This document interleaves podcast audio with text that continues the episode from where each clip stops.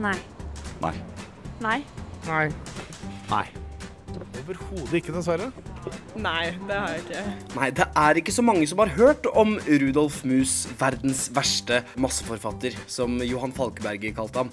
Men på slutten av 18- og starten av 1900-tallet så fantes det ingen mer populær forfatter i Norge. Han skrev hundrevis av romaner om drap, ulykkelig kjærlighet og romantiske bondefortellinger, og bøkene de ble det solgt millioner av. Men likevel Nei. Nei. Nei. er han helt glemt i dag. Men hvis han virkelig var så populær, hvorfor er han ikke der oppe i dag med Ibsen, Bjørnson, Kielland og Lie? De fire store. Du hører på Hørt om, en podkast om historiske nordmenn du i dette tilfellet sannsynligvis ikke har eh, hørt om. Jeg heter Andreas Haugdal, og la meg begynne med å male et bilde. Året er 1885. Du er en dame på rundt eh, 30 år. Du har nettopp flyttet til Kristiania fra en gård med mannen din og deres åtte barn. Dere bor i en trang, mørk leilighet i arbeiderklassestrøket Vika. Han jobber tolvtimersdager på fabrikken, og du er hjemme med barna hele dagen. Hele dagen. Og du har så lyst til å rømme fra hverdagen din før du blir helt, helt. Mange hadde det faktisk sånn på eh, slutten av 1800-tallet og utover, og underholdning til denne fortsatt ganske nye arbeiderklassen ble god business. Eh, Vi fikk eh, tivoli i Kristiania i 1877. Kinofilmen kom 20 år senere og ble veldig populær. Og fordi folk fikk bedre økonomi av disse fabrikkjobbene sine, så kunne de ta seg råd til sånne ting. Og den kanskje billigste og enkleste formen for underholdning, det var litteratur. Eh, En ny skolelov fra 1848 sørget for at flere og flere lærte seg å lese, men bøkene de leste, er ikke nødvendigvis de vi husker fra norsktimene på videregående i dag. De fire store. For eh, den litteraturen vi lærer om fra århundreskiftet, fra realismen og naturalismen, det er jo et dukkehjem, eh, Hellemyrsfolket, Synnøve Solbakken, men de er så triste, så kritiske. Men du, du vil drømme deg bort til et bedre liv, et mer romantisk liv. Du vil lese noe relevant, spennende og ikke minst billig. Ah, vent litt. Hei, vil du ha første kapittel av en bok om et mord i ditt nabolag? Ja, det høres både spennende og relevant ut, men eh, hvor mye koster den? Den koster billige kroner. Shit, det var billig. Den tar jeg.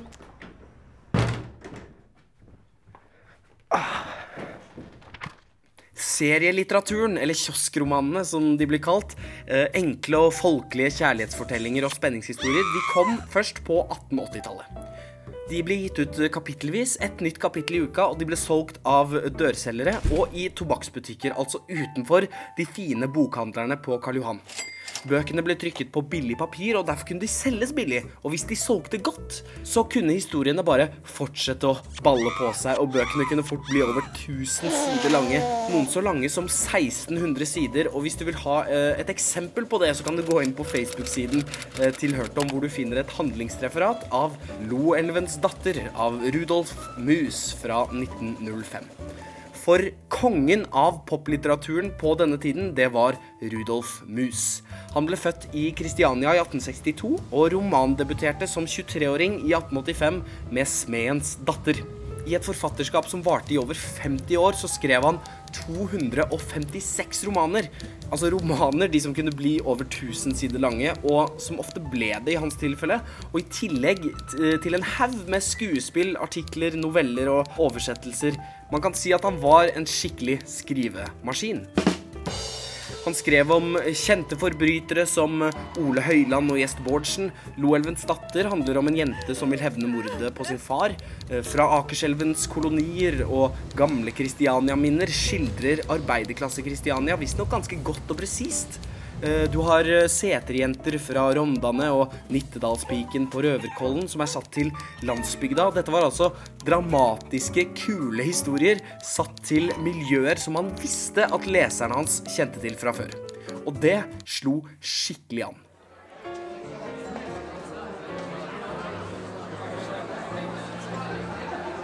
Bøkene hans ble dritpopulære. De kunne komme i opplag på en million av gangen på en tid det var mellom to og tre millioner mennesker i Norge.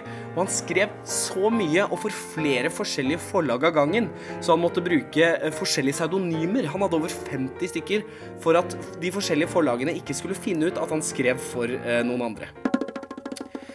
I privatlivet så kan man si han var like effektiv. Han fikk ni barn med eh, kona si Olga, og i deres hus i Skedsmogata 5 i eh, hovedstaden så var det alltid sang og musikk med diverse kunstnere og skuespillere på besøk. Blant andre forfatter Johan Falkeberget, som var den som kalte Mus verdens verste masseforfatter. Da Mus skrev, som han tilsynelatende gjorde hele tiden, så gjorde han det med lang pipe, svart kaffe og gjerne en unge på hvert fang. Med sin nesten umenneskelige produktivitet og popularitet så skulle en kanskje tro at Mus tjente seg søkkrik på bøkene sine. Men nei, han tjente ikke så mye per bok, og uansett om han solgte 100 bøker eller 100 000 bøker, så hjalp det ikke på honoraret han fikk fra forlaget, et honorar som han dessuten ofte ble snytt for, selv om forlagene tjente masse, masse penger på han. Men det å slutte å skrive, det var aldri et alternativ. Da han fylte 70 år i 1932, så ble han intervjuet av Aftenposten.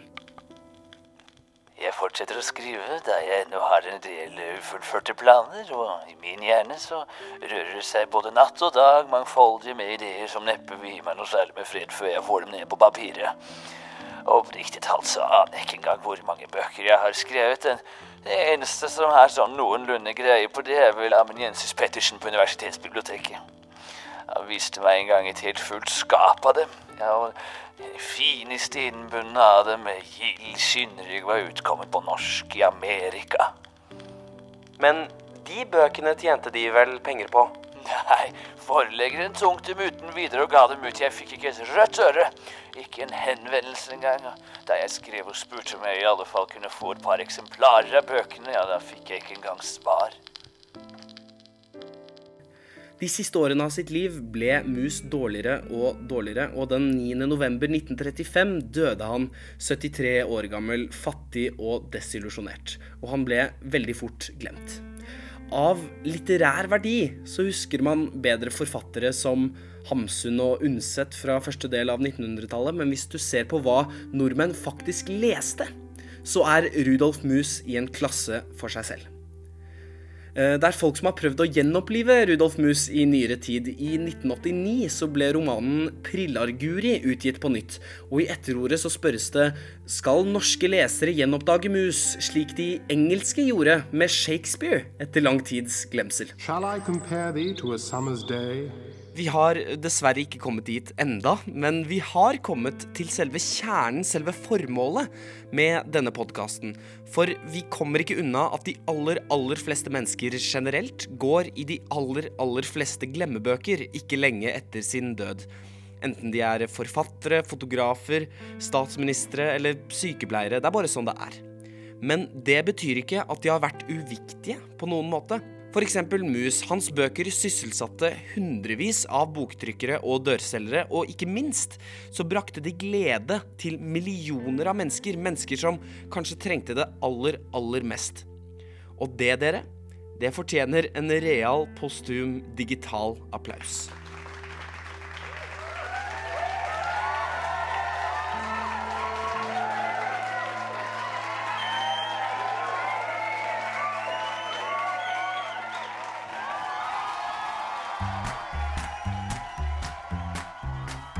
Du har hørt andre episode av Hørt om om Rudolf Mus, verdens verste masseforfatter. Tusen takk til Hans PS Knutsen og hans omfattende biografi og bibliografi, folkeskribenten Rudolf Mus og hans forleggere, i tillegg til Erik Oluf Melvold, som på 1990-tallet skrev 50 temahefter om Oslo, hvor nummer 42 handler om nettopp verdens verste masseforfatter og kiosklitteraturens fødsel. Du hørte Martin Møhn i, rollen som dørselger og Mats Vale som Rudolf Mus i Aftenposten-intervjuet. Eh, musikken er fra Bensound, og jeg heter Andreas Augdal. Hvis du liker det du har hørt, så ikke vær sky for å spre ordet om eh, Hørt om til venner og bekjente, og sleng gjerne igjen en kjapp anmeldelse i iTunes. Og hvis du har et tips til noen kjente eller ukjente nordmenn jeg kan portrettere i denne podkasten, så send en mail til hortompodkast at gmail.com. Og følg denne podden på eh, Facebook, Instagram, Soundcloud og det som er egentlig med det samme brukernavnet. I neste episode så får du høre om Colin Archer, faren til Fram, i sin tid verdens mest berømte skip. Før Titanic var dette verdens mest kjente fartøy. Eh, vi vet jo hvor Titanic ligger i dag. Her står Fram. Vi høres!